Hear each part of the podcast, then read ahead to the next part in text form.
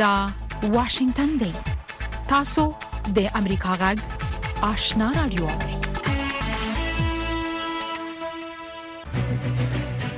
قدرمن اوریدونکو السلام علیکم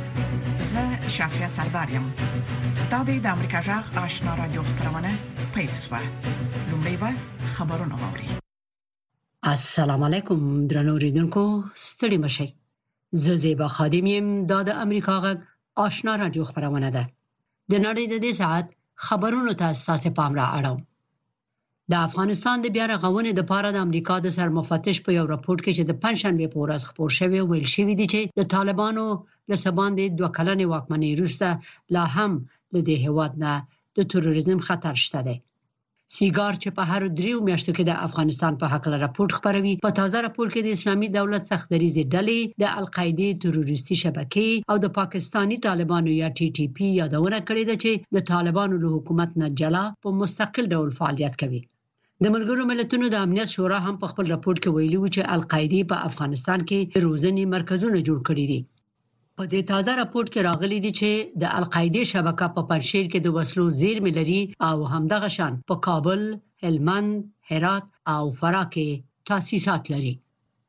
د افغان نجونو د زده کړو د ملاتړ مبارزینو چې د جنکو د زده کړو لپاره د عدالت غوښتنه کوي په یو سند کې ویلي دي چې د جنکو په زده کړو د طالبانو بندیزونه نه یوازې جنکې په روحي فشارونو اخته کړي بلکې په کوچنیتوب کې د ودونو د فقر او د لوږې له امله د خرڅلاو د تشدد او له نورو ډول ډول ستونزو سره هم مخ شوې دي د نجونو د زده کړو لپاره د عدالت غوښتنې دغه سند د بشري حقوقو د 380 ادارو او شبکو د افغانستان په 15 ولایتونو کې د 1800 دیني عالمانو، کارپوهانو، ښوونکو، نجونو زده کوونکو، د مدني چارو د مبارزینو معترضینو، هنرمندانو او خبریالانو د نظریو په اساس ترتیب شوی دی. په دې سند کې چې د فبرورۍ په اوله خپور شوی ویل شوي دي چې 845 ورځې کېږي چې جنکۍ په افغانستان کې د شپږم ټولګي نه پورته د زده کړو نه محرومې شوې دي او له دې امله ځوانې نجونې په ډول ډول مشکلاتو اخته شوې دي. دوی ویلي دي چې د ښوونځي او پوهنتون نه د جنکو او ښځو منع کول د تاسف وړ اقدام دی او په دې یویشتمه پیړۍ کې یو تاریخي ننګ دی خبرونه د امریکا غږ آشنا رادیو نه اوري د ایران جمهور رئیس ابراهیم رئیسی د جمعې په ورځ خبرداري ورکړ چې په اردن کې د امریکا په پوځي اډې باندې د برید په جواب کې د امریکا لخوا هر ډول احتمالي برید ته به تهران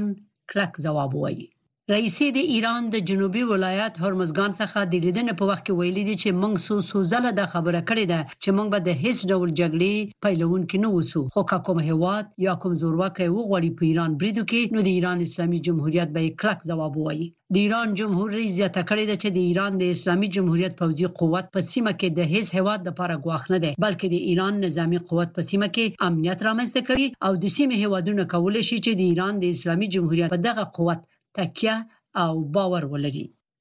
یو سل یوولس ورځې وشوې چې د چمن بولدک په لارې د تګ راتګ لپاره د ویزو د لازمي کېدو ضد اعتراضي غونډې یا پرلت ادامه لري د دغه پرلت مشرانو ویلي دي دولتي ادارو مخې ته د احتجاج د غځولو پریکړه کړې ده او په سیمه کې د فبرورۍ په اتمه د انتخاباتو مخنیوي کوي دوی په داسې حال کې دا خبره کړې ده چې د پاکستان حکومت لا هم د پاسپورټ او ویزې د لازمي کولو دریځ نه نه دی تېر، خو وايي چې له هغو کسانو سره به مالي مرسته وکړي چې د لارې د بندېدو په وجې اغېزمن شوي دي. د ترکیې یو امنیتي مقام د جمعې په ورځ وویل چې ترکي مقاماتو اووه کسه په دې ګومان نیولي دي چې د سیمه ییزو اهدافو د تعقیب او څارنې په تړاو یې د اسراییل په استخباراتي ادارې موساد باندې معلومات پلورل. ترکیه د دې نه مخکې اسرائیل ته خبرداری ورکړی و چې که د فلسطیني ډلې حماس د هغو غړو د نیولو هڅه وکړي چې د ترکیې په شمول د فلسطین له خاورې بهر ژوند کوي نو له سختو عواقبو سره به مخ شي د تیر اکتوبر رئیس چې د حماس او اسرائیل ترمنځ جګړه پیل شوې ده د ترکیه او اسرائیل د مشرانو ترمنځ په عام ډول جدي الفاظ تبادله شوې دي ترکیه د خپل لویدیزو متحدینو او ځینو عربو هیوادونو برعکس حماس د یو دهشتګر سازمان په توګه نه پیژني د برتانیې د بهرنیو چارو وزیر ډیویډ کامرون د پنجشنبې په ورځ ویلي دي چې هیواد یې د اسرائیل او فلسطینیانو ترمنځ د مذاکراتو نتیجې ته د انتظار پرته فلسطیني دولت په رسمیت پیژندلی شي. اټکل کیږي چې د اسرائیل او فلسطینیانو ترمنځ مذاکرې کلونه کلونه وخت ونیسي. کامرون لبنان ته د خپل سفر په وخت کې اسوسییټډ پریس ته ویلي دي چې د حماس مشران باید له غزې نه ووځي چې د دوه دولتونو حل عملی شي که په اسرائیل باندې د اکتوبر د 9 نیټې د بریدونو مسؤلین په غزې باندې کنټرول ولري دغه کار نشي کېدلی حماس ویلي دي چې مشران به یې له غزې نه ونه وځي شمالي کوریا د فبرورۍ په دویمه د غرمې نه مخکې د خپل لویدي ساحل نه څو کروز توغندي توغولي دي دا خبره د جنوبي کوریا پاوس کړې ده او ویلي دي چې دا په یوه هفته کې د پیونګ یانګ د کروز توغندیو څلورمه ازموینه ده د اوکراین جمهور رئیس ولادیمیر زیلنسکي ویلي دي چې اوکراین ته د اروپאי ټولنې 50 میلیارډ یورو مرسته ماسکو ته یو ښکاره پیغام دی د اروپאי ټولنې رهبرانو د پنځشنبه په ورځ د هنګري د مشر وکټور اوربان د څو میاشتو تر اختلافاتو وروسته اوکراین ته 50 میلیارډ یورو مالی مرسته منزور کړه او د هند پولیسو هغه کوتره خوشې کړې ده چې د جاسوسۍ په تور یې اته میاشتې مخکې په پنجرې کې بندي کړې و هندي پولیسو د 2023م کال د می په میاشت کې د اکتوبر د ممبای یو بندر ته نږدې دغه کوتره نیولې و د دې کوترې په دواړو پښو کې کړۍ بندې وي او ویل کېدل چې ځینې چینایي شکل کلمات په لیکلي وو د څېړنو وروسته معلومه شوه چې دا کوتره د تایوان د مسابقو وه او له هغه ځایه تښتېدلې وه زیبا خادم امریکا غږ واشنگټن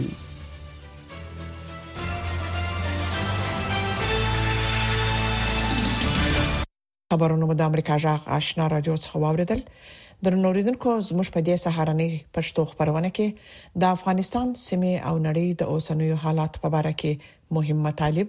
او د امریکا جغ سرمقاله لرو هله د خبرونه تر پای ووري لومړی براسو د راپورته ملګری ملتونه په خپل یو تازه راپور کې وایي چې القاعده په افغانستان کې فعالیت لري د ملګرو ملتونو د امنیت شورا په راپورټ کې راغلي چې طالبانو له القاعده شبکې سره نږدې اړیکې ساتلې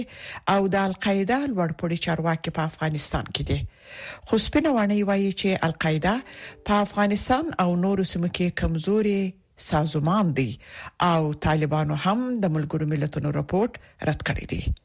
نور حال په دې رپورت کې ووري د ملګرو ملتونو د امنیت شورا په تازه راپور کې راغلي چې په افغانستان کې د القاعده د اتو نویو جوړ شویو مرکزونو څخه څلور په غزنی، لغمان، پروان او روزګان ولایتونو کې دي د راپور لمخې حکیم المصری چې په افغانستان کې د القاعده د غړو څخه دی د دې ډلې د روزنیزو کمپونو او د تحریک طالبان پاکستان لپاره د ځانمرګ بریدونو د روزنې مسولیت لري راپور همدارنګه زیاتوي چې القاعده په لغمان، کونړ، ننګرهار، نورستان او پروان ولایتونو کې 15 مدرسې لري. په راپور کې ویل شوی چې د القاعده شبکې څه کم لس لوړپوړي مشران چې د طالبانو سره تاریخي اړیکې لري په افغانستان کې میشتي طالبان له القاعده سره اړیکې لري او دغه اړیکې تر اوسه پورې شلولې هم نه دي او دغه اړیکې تر اوسه پورې پرې کړې هم نه دي ما تل ویلي دي چې طالبان له القاعده سره اړیکې پرې کولای نسی طالبانو همېشه عمومي خبره کړې ده، ویلي دي چې د افغانستان خاوره به د نورو هېوادونو لپاره ګواښ نه وي یا د افغانستان له خاورې به نور هېوادونه نه ګواښل کېږي. البته په واضح ډول باندې یې نه دي ویلي چې دوی له القاعده سره اړیکې پرې کړې دي. د طالبانو د حکومت له واکمنېدو څخه را په دې خوا موږ ګورو چې طالبان د ډېرو تروریستي ډلو په ځپلو کې لکه د داعش ډېر بریالی ده او دا چې د ملګر ملتونو د امنیت شورا تازه راپور ورکړي چې په افغانستان کې د القاعده اته مرکزونه فعال شوي دي دا د واقعیتونو سره نږدېوالی نه لري د ملګرو ملتونو راپور زیاتوي چې د تحریک طالبان پاکستان سره د افغان طالبانو یو ځای کېدل په پرلپسې ډول مخفزيات دودي او د پاکستانی طالبانو د څو بریدونو ملاتړ د افغانستان له داخل څخه شوې ده خو سپینه ماڼۍ د ملګرو ملتونو د راپور په حق له د امریکا غږ دی وی پښتنې په جواب کې وویل چې القاعده په افغانستان او نورو ځایونو کې کمزوري سازمان دی فکر کوم دا مهمه ده چې باید په یاد وي القاعده په افغانستان او نورو ځایونو کې یو کمزوري سازمان دی په حقیقت کې د القاعده رښتینی ګواښ داسې یو څه دی چې په سیمه کې د الشباب ډلې په څیر نور ترهګر ډلې ته هم انتقالیږي او باید په دې اړه د امنیت شورا راپور ته کتنه وشي، خو زموږ استخباراتي برخه ارزوي چې القاعده په داسې وضعیت کې نه ده چې د متحده ایالاتو پر خاوره کوم لوی برید وکړي. بلخوا د طالبانو حکومت بیا په افغانستان کې د القاعده د شتون او فعالیتونو په اړه د ملګرو ملتونو د امنیت شورا راپور رد کړی دی، هغه یې پروپاګند بللی او ویلي دي چې په افغانستان کې د القاعده ډلې هیڅ غړی نشته. موږ پوهیږو چې د امنیت شورا ځینې غړي هیوادونه په افغانستان کې له ماتې سره مخ شوي، هغوی به طبعاً خپله کینه پالي او دغه راز افواهات به خپروي، خو هغه نور غړي هیوادونه چې له افغانستان سره یې اړیکې ښې دي، باید اجازه ورنکړي چې د دغې لویې نړیوالې ادارې حیثیت خراب شي او تصامیم یې د څو هیوادونو د سیاسي اهدافو پر محور وڅرخیږي. طالبانو که څه هم په 2020 کال کې په دوحه کې له امریکایي چارواکو سره په یو هوکړه لیک کې ژمنه وکړه چې د القاعده او نورو ترهګرو ډلو سره به اړیکې پرې کوي او په افغانستان کې به د هغوی د فعالیتونو مخه نیسي خو متحده ایالاتونو د 2022 کال په جولای میاشت کې د القاعده مشر ایمن الظواهری په کابل کې وواژه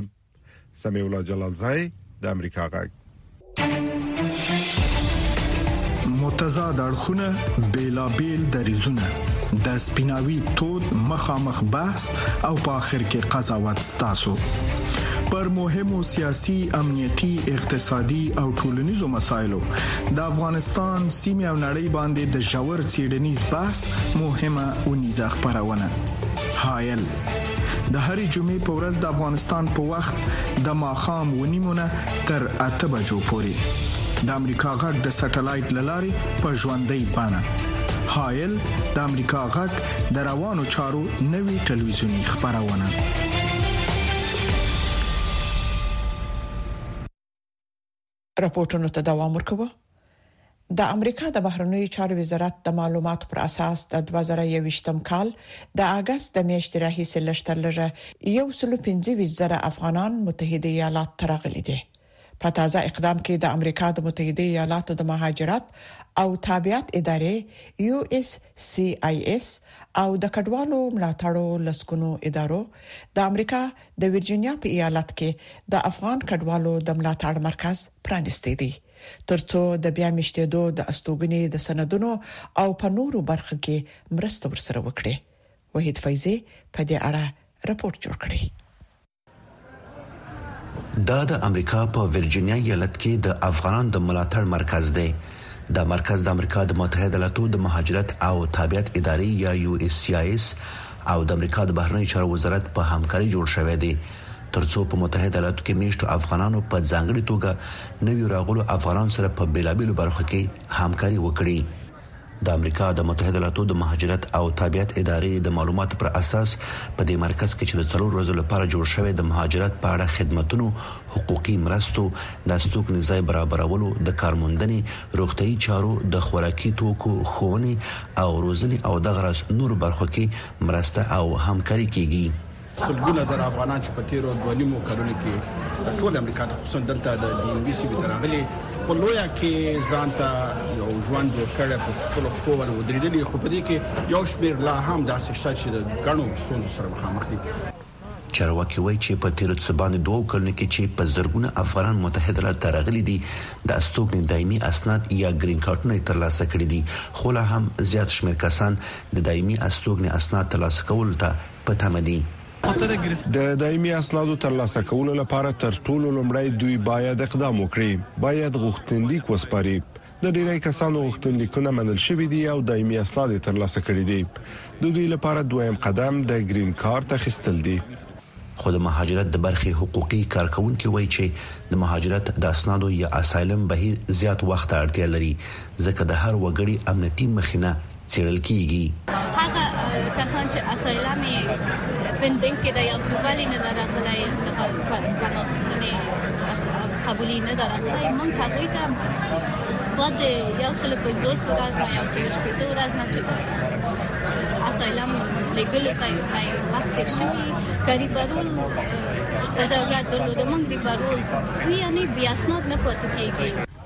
د تخلیې د بهیر یو شمېر ادارې وایي چې لا هم په افغانستان کې په زرګونو کسان پاتې دي ترڅو متحده ایالاتو ته د مهاجرت ځانګړي ویزې یا اس ای وی ترلاسه کړي څومره چې زه پوهیږم د متحده ایالاتو د حکومت لخوا د افغانانو د تخلیه بهیر دوام لري د امریکا د بهرنیو چارو وزارت له فدرال حکومت سره کار کوي هغه افغانانو چې د متحده ایالاتو ملاتړ کړي تخلیه کوي او د تخلیه د برخې ادارې هم په دې برخه کې کار کوي د افغان مهاجرو ملاتړ ادارې وایي دوی هیله لري چې له افغانستان د ایسایوي یا ځانګړو ویزو د لودونکو کسانو د ایستلو بهیر چټک شي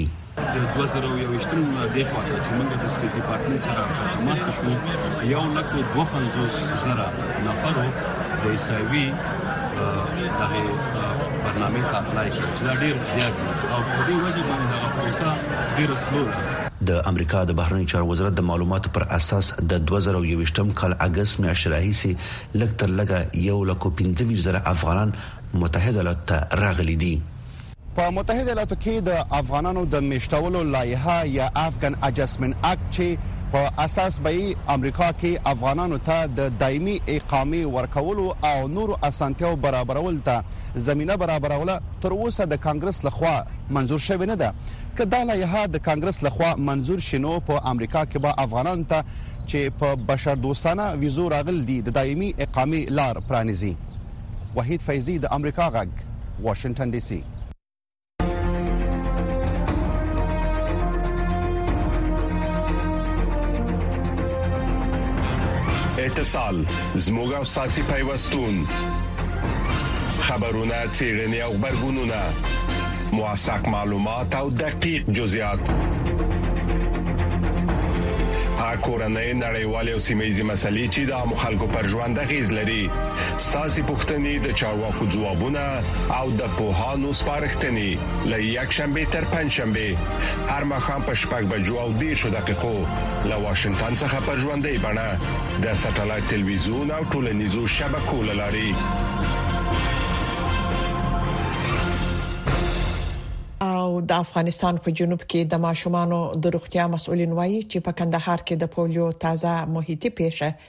ثبت شوې ده، دوی له کورنیو څخه غواړي چې خپلو ماشومانو ته پاملرنه زیاته کړي. نور حال زموږ د همکار صدیق الله صدیقي په رپوټ کې واورئ.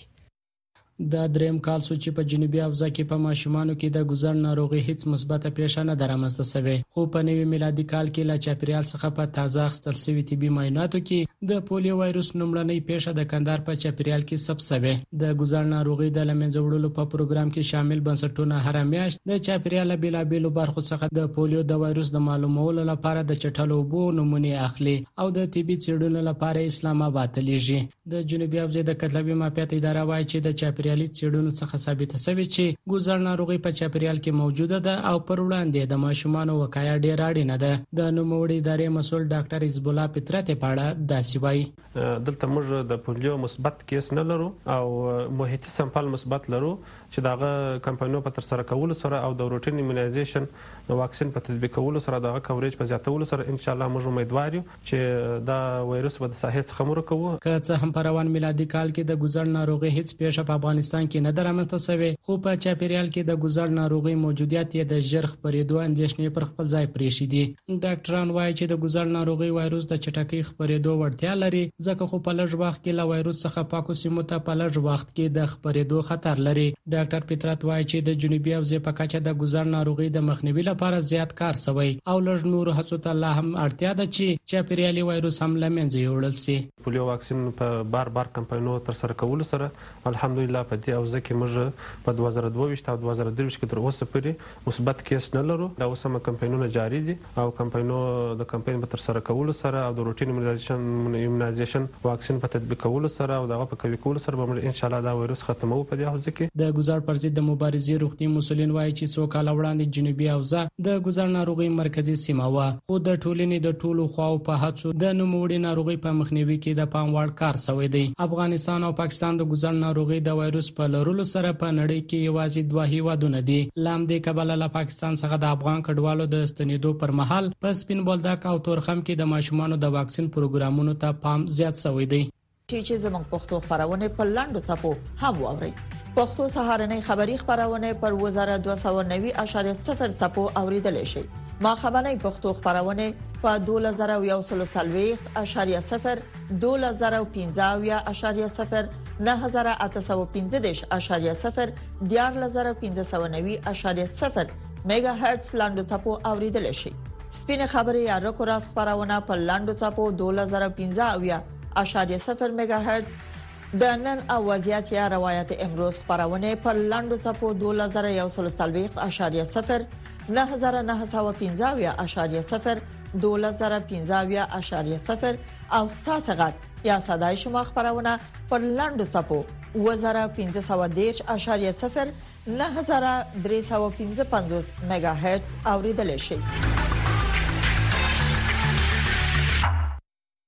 او په قرغیزستان کې د دې هیواد د ناویانو دودیزه خولۍ چې په لاس جوړیږي او ډیر لرغونتوب لري په دې وروستیو کې د یونسکو د غیر ملموسو میراثونو په لیست کې شامل شوه د الچیک خولۍ دود د پخوانی شوروي اتحاد په وخت کې ورک شوی وو خو اوس یو ځل بیا ریواج موندلی دی نور حال پر پورت کې ووري دا سپین ټکر چې د قرغیزي میرمنو په لاس اوبدل کیږي دا د الچک دودیزه خولۍ تری جوړوي چې اوس د هیواد یو ملي دود ګرځیدلی دی قرغیزي میرمنې کله چې ودیږي او د پلار له کوره وځي نو دا خولۍ پر سره وي یعنی دوی د میړه تر کوره پورې دا سپین ټکور یا د الچک خولۍ د ناوې له سره تاووي دا دود د قرغزي ودونو یو مهمه برخه او د ناوې لپاره یو لازمه چیز دی gelin bu sotsialdıq دا سپین ټکر او یا هم الچک خولۍ د عمر او ټولنیز حالت شاخص دی په دې برسره داسې دودونه او رواجونه هم ورسره تړلي دي د الچک خولۍ یوازې یو خولۍ نه ده بلکې دا د ژوند سمبول دی د مور د مورتوب سمبول چې د کرغزي کوچانو په ژوند کې اصلي ملي ارزښت لري د قرغیزیانو هرې قبيله یو وخت خپل ځانته الچیک درلود نو لدی عمله په اسانۍ سره به د قبيلو توپیر کېده چې څوک له کوم ځای دی الچیک خولۍ د یوې ښځې عمر او ټولنیز حالت ته هم اشاره کوي، که یوه ښځه د ډیر عمر وي نو د خولۍ ټوکرې هم ډیر پیچلې او خولۍ لویه وي او که ښځه بډایه وي نو خولۍ یې په زینتي شیانو باندې ډیزاینیږي. روښانه رنګه الچیک خولۍ د ځوانې ناوې لپاره جوړیږي او دویم ډول یې هغه خولۍ دي چې تیاره رنګ لري او د شپیتو او اویاو کلونو ترمنځ میرمنو ته ورپه سریږي. یعنی دا چې بډایه ښځې هغه خولۍ به سروي چې په زینتي شیانو باندې سمبال شوې وي. قرغیزي کوچیان ډېر وخت د الچک د ټوکر نه د سفر په وخت کې استفاده کوله. د بېلګې په توګه، د مړو جسدونه به یې پکې پېچل، د کفن په توګه، د زخمونو د تداوي لپاره، د زېږون پر مهال او حتی نوي زېږېدلي ماشوم به یې هم د الچک په ټوکر کې تاواوه. الچک یوازې د سپین، طبیعي، ټوکر څخه جوړېږي چې په عمده توګه له پنبې څخه جوړ شوی وي لومړی یو خولۍ د خزې پر سر اګدي بیا د وو څخه تر 40 متر پورې سپین ټوکر د بل کس په مرسته لسرې تاوي چې دا کار حتی ډیر زری ټول ورځ په پر کې نیسي زرد ایلګری الیچک دی باغ په وختونو کې به وی خزي هر ورځ ځان لپاره په چټکۍ سره د الچک خولې جوړوله خو کله چې په دوی کوم ځانګړي مراسم جشنونه سفرونه او یا هم د مهاجرت په وخت کې به هغوی د ټوکر ډیر په احتیاط سره په لاس منځو بیا به یې اوتو کاو مرمنې به رابللې خواړه به پخول او ټول ورځ به د الچیک د خولې په جوړولو تیروله د یونسکو په لست کې د الچک د جوړولو پریکړه د کلتوري میراثونو د ساتنې لپاره د یونسکو د نړیوالې کمیټې په اتلسمه غونډه کې وشو چې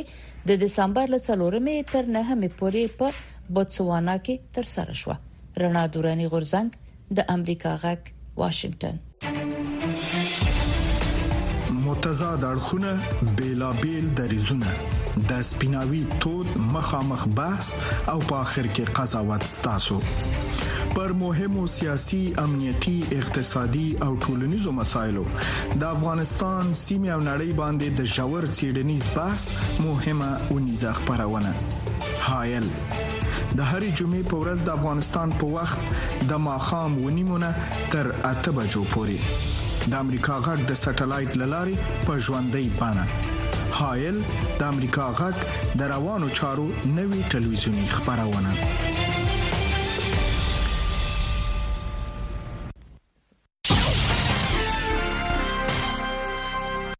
دی اوس به د امریکا جغ سرمقاله ووري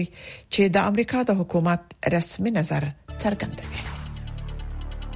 د وینزویلا ولسمشر نیکولاس ماډورو او استاذي په وینزویلا کې د سیاسي مخالفانو پسې راخسته چې په دې کې د حکومت د دیموکراتیکو مخالفو ګوندونو د غړو نیول او سکهال د ولسمشرۍ په ټاکنو کې له سیالۍ نه د کاندیدانو منکول شامل دي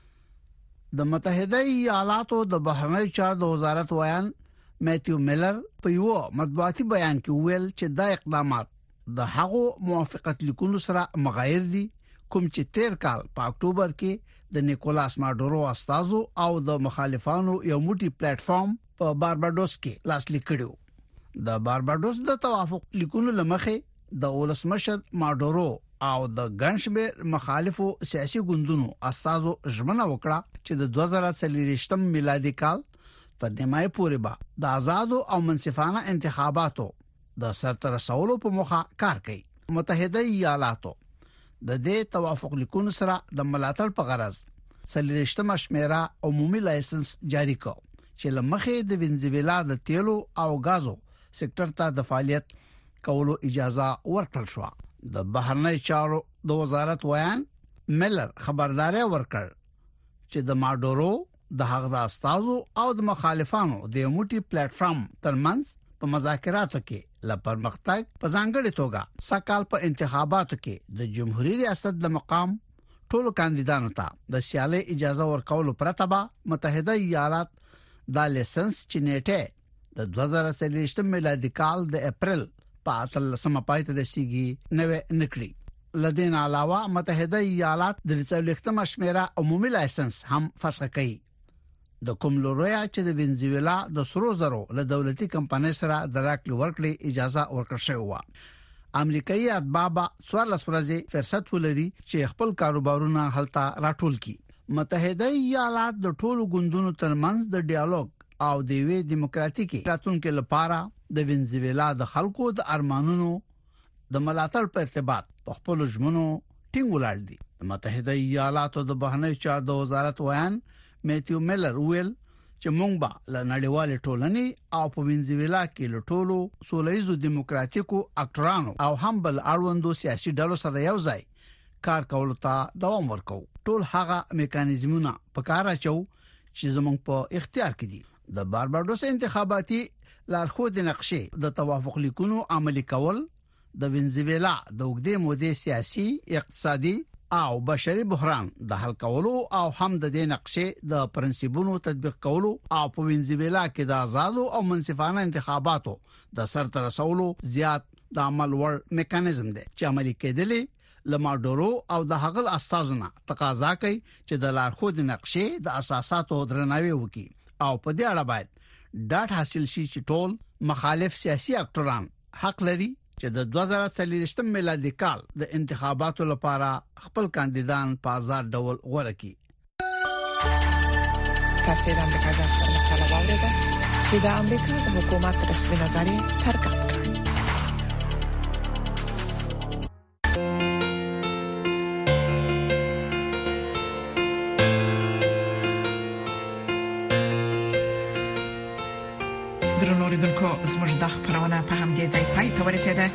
د امریکا جغ آشنا را دوه خبرونه دوام لري